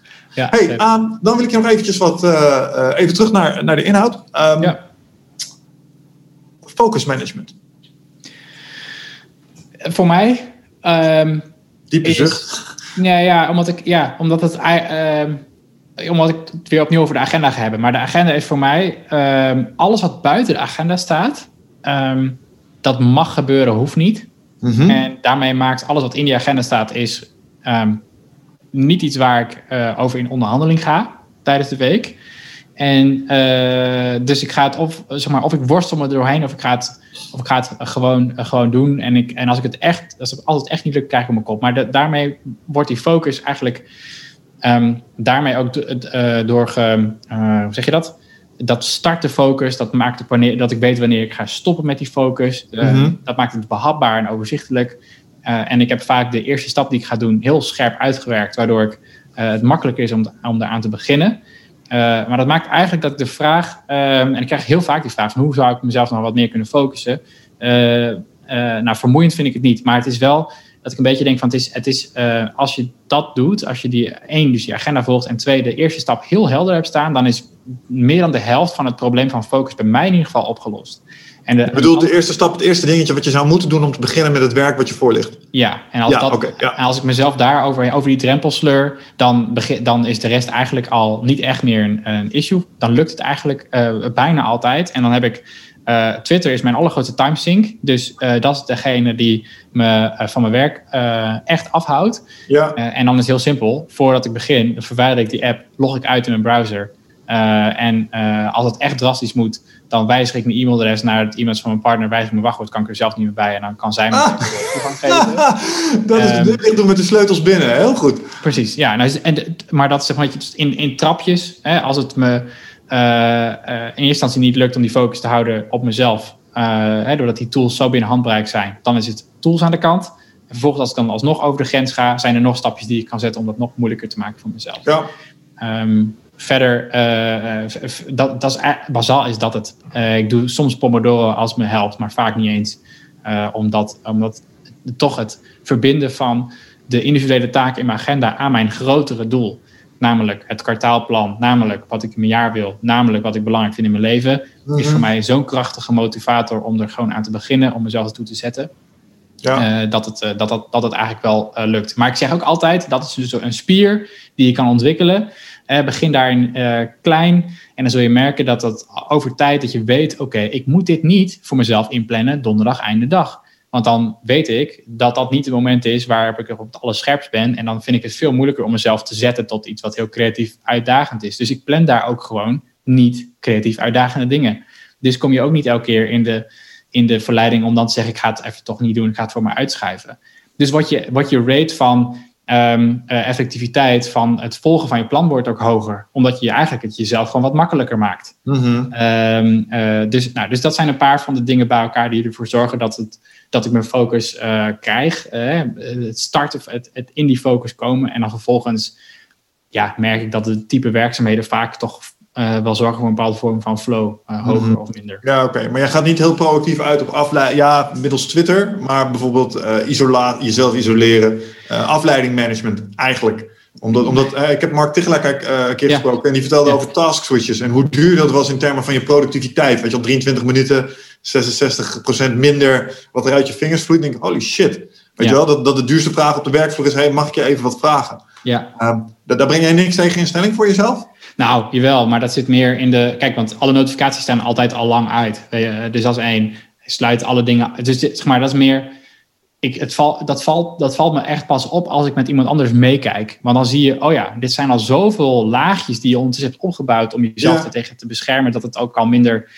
Uh, dat, het, dat het al minder effect heeft. Ik zie, dat je gewoon ziet aan andere mensen dat ze hun telefoon naast hebben liggen en dat die onder vijf minuten oplicht ja, mhm. logisch dat je dan de hele tijd wordt afgeleid. Ehm, en dan kun je het hebben over die 23 minuten, maar binnen, waarschijnlijk word je binnen die 23 minuten word je alweer afgeleid door iets anders. Dus dat, gaat, dat, dat is een soort van non, uh, non-stop. Dus ik heb echt wel een paar van dat soort barrières aangebracht.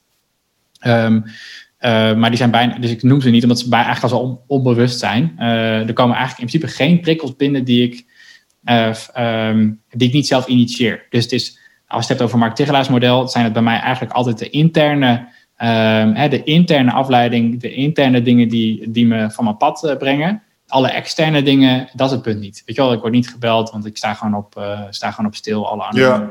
dat, is allemaal, ja. dat doen we allemaal niet. Het enige wat er kan gebeuren is dat ik zelf gewoon het energieniveau niet heb. Uh, en dan wordt afgeleid doordat ik denk, ik ga toch even op, op Twitter kijken. Ik ga toch even de, naar nrc.nl of zo, whatever. Ik ga toch... Mm -hmm. en, en die dingen kan ik best wel makkelijk afsluiten als dat echt nodig is. Ja, ja, interessant. Ja, nou, ja, je zegt het, eh, maar je moet je realiseren, je hebt natuurlijk een zwarte bander. En ik denk dat uh, voor een boel mensen uh, dat, dat simpele ding van bijvoorbeeld notificaties uit. Misschien had je het wel eens gehoord. Probeer het gewoon eens een keer. Weet je wel. Het zijn echt hele kleine micro-changes die echt over de loop der, der tijd echt een ontzettend effect gaan spelen als je dat maar gewoon aanleert. Absoluut. En ik denk dat bedoel, notificaties uit is echt het grote cadeautje wat je zelf kan geven. Hè? Want uh, bijna alle, alle notificaties die je zelf zijn uh, die je krijgt zijn onzinnig. dat zijn A, dingen die, die, die je niet per se hoeft te weten. Hè. Dat, zijn, dat zijn alle, I don't know, iemand liked een foto van je op Instagram. dat is echt niet iets waar je voor gestoord moet worden. Tot misschien een notificatie van een hele belangrijke e-mail die je krijgt, die je anders had gemist. Mm -hmm. Maar bijna nooit zijn ze echt, zijn ze echt nodig. Uh, ik zou bijna durven zeggen dat behalve dat, dat ene, echt, behalve voor gebeld worden door mensen die uh, heel dicht om je heen staan, misschien een zakenpartner of je baas, ja. uh, zijn ook telefoontjes niet urgent. Zijn dat eigenlijk ook dingen die je zou moeten, zou moeten doen op jouw moment, wanneer ze voor jou passen.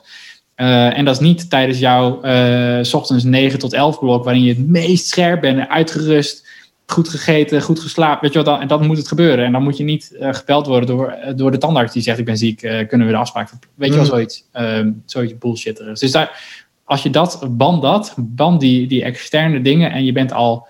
Je bent echt al op 80%, zeg maar. Dat is voor, om je focus te, te krijgen en te houden. Ja, maar wat kun je mensen nog meegeven? even los van zorg ervoor dat je bijvoorbeeld je agenda op orde hebt, zodat je mensen mee kunt nemen in waar je tijd heen gaat om, hun zakelijke weerbaarheid hè, op hun focustijd te verhogen. Dus hoe kunnen ze die tijd beter verdedigen? Nou, ik, eh, mijn punt zou dan zijn dat, um, uh, dat, het, dat het gaat over gun jezelf um, meer denktijd. Ehm, want uh, het gebeurt zo vaak dat, dat mensen dan zeggen, maar zeggen, ja, ik weet niet zo goed wat ik wil. Of ik weet eigenlijk niet zo goed wat belangrijk is. Of ik weet niet zo goed waarom ik, waarom ik hier aan zou moeten werken. Of ik weet niet zo goed wat de oplossing zou zijn voor dit probleem waar ik mee worstel. En dan mm. zeg ik eigenlijk altijd, heb je al voor jezelf 10 minuten genomen uh, in een ruimte waar je niet gestoord wordt.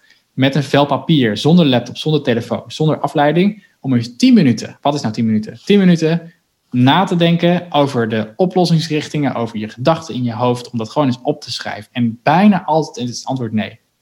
Uh, bijna altijd is het antwoord dan: ik heb hier nog nooit echt eens even over nagedacht. Laat staan een hele ochtend. Uh, hè, om, je, om eigenlijk gewoon je, wat in je hoofd zit eruit te trekken. En dat moet mm. gebeuren, want als je het opschrijft, dan pas uh, kun je uit het groefje in je hoofd om tot het volgende idee te komen. Want tot die tijd blijf je hersenen ook elke keer denken: ja, je moet dat eerste idee nog opschrijven voordat je tot die diepere laag kan mm. komen. Uh, dus dat op papier zetten uh, is, uh, is echt de allereerste stap. En dan de tweede is: praat daar met mensen over die je slim vindt, die expert zijn op dat gebied. Toets dan die ideeën en dan komen er allerlei nieuwe inzichten komen daarbij. Ook dat is dan een stap waarvan ik zeg: heb je alles met drie mensen gepraat die ook hebben gedaan wat jij graag zou willen doen? Die je hoog, uh, die je hoog hebt zitten, om gewoon eens uit te horen, hey, hoe heb jij dit aangepakt? Wat was jouw eerste stap? Waar liep je tegenaan? Wat zou je me aanraden? Met wie zou je me linken? Die, die stap, ja, die kost even tijd. Ja, want dan moet je uitzoeken, dan moet je vragen en dat is best wel spannend. Uh, maar dat levert je zo ontzettend veel inzichten op. En dat brengt je, uh, zeg maar, je hoeft al die fouten die die personen hebben gemaakt, hoef jij niet meer te maken. Je hebt zo'n ontzettende bak aan, aan input.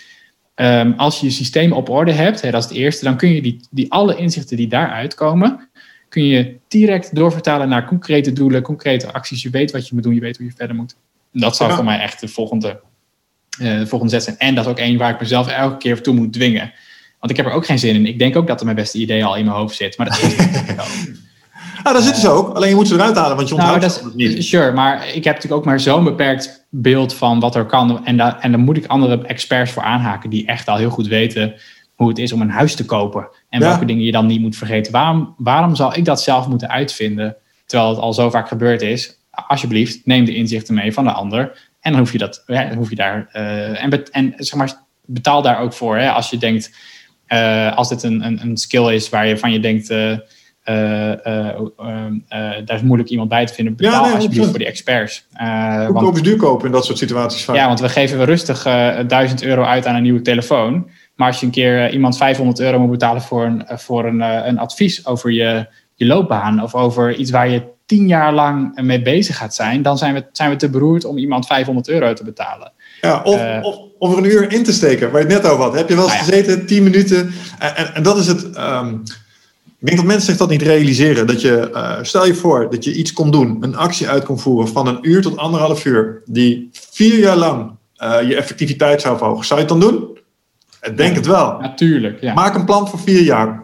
Ga maar doen. Maak gewoon, ga eens een anderhalf uur zitten en maak eens een plannetje voor jezelf voor vier jaar. En jouw gedrag is al vier jaar lang. Er is gewoon onderzoek naar gedaan. Dat, dat beïnvloedt je gedrag op een gunstige manier. Ja. Uh, en, en dat, dat kan volgens mij uit in termen van kosten-benefits. Uh, dat heeft rendement, denk ik. En ik denk dat die 500 euro, dat is hetzelfde. Uh, iemand die de juiste dingen tegen jou zegt op het juiste moment met een stukje kennis wat jij niet had Holy shit, dat kan je voor heel veel uh, onnodige tijdsuitgiften behoeden. Ja, uh, Mike Platschek zegt het heel mooi. Hè? Je weet niet wat je niet weet. Nee, eens. Ja, eens. En ik denk dat die, nou, dus die, die, die uh, sowieso betaalde coaching kom je dan een beetje in die hoek. Um, ik, ik ben aan de ene kant heel kritisch op, hè, want je moet altijd heel kritisch zijn op waarom is iemand coach geworden. Mm -hmm. en dat vind ik dus ook bij mezelf altijd de vraag. Als mensen mij vragen, om, dan denk ik altijd, ja, weet je wat weet ik? Nou, ik ben 31 of 32 inmiddels. Ja, wat, wie ben ik om je erbij te helpen? Uh, maar er zijn natuurlijk heel veel mensen die gewoon. Um, en dat, dat, dat vind ik ook echt een oproep. Ik vind dat we meer zouden moeten luisteren naar mensen die uh, 40, 50, 60 zijn. Want die hebben namelijk echt heel veel dingen gezien die voor ons als nog wat jonger uh, heel zinnig zijn. Um, en, en in die categorie zoeken we het vaak niet. Ik vind het heel leuk en heel pijnlijk om te horen dat ik in die genoemde categorie val ineens. Um, Rick, hoe groot is onze generatie kloof momenteel? Ik ben 41. oh, ik ben, ik ben 32. Oh, 32. Nee, maar jij weet nog wel wat een cassettebandje en een potlood. Ja, ja, ja, ja, ja, dan zijn we klaar. Dan is goed. dan is de generatiekloof nog niet zo van die aard. Maar ik denk dat je gelijk hebt, hè? want uh, ik, ik val net buiten de boot daar. Toen ik ging merken was het internet er al. Maar er is een hele groep mensen. Uh, en wat ik nog wel weet was het leven zonder een smartphone. Uh, en ik weet ook dat Sommige aspecten daarvan waren niet zo heel erg leuk. Bijvoorbeeld videobanden waren gewoon niet handig. Netflix is vele malen beter. Ja.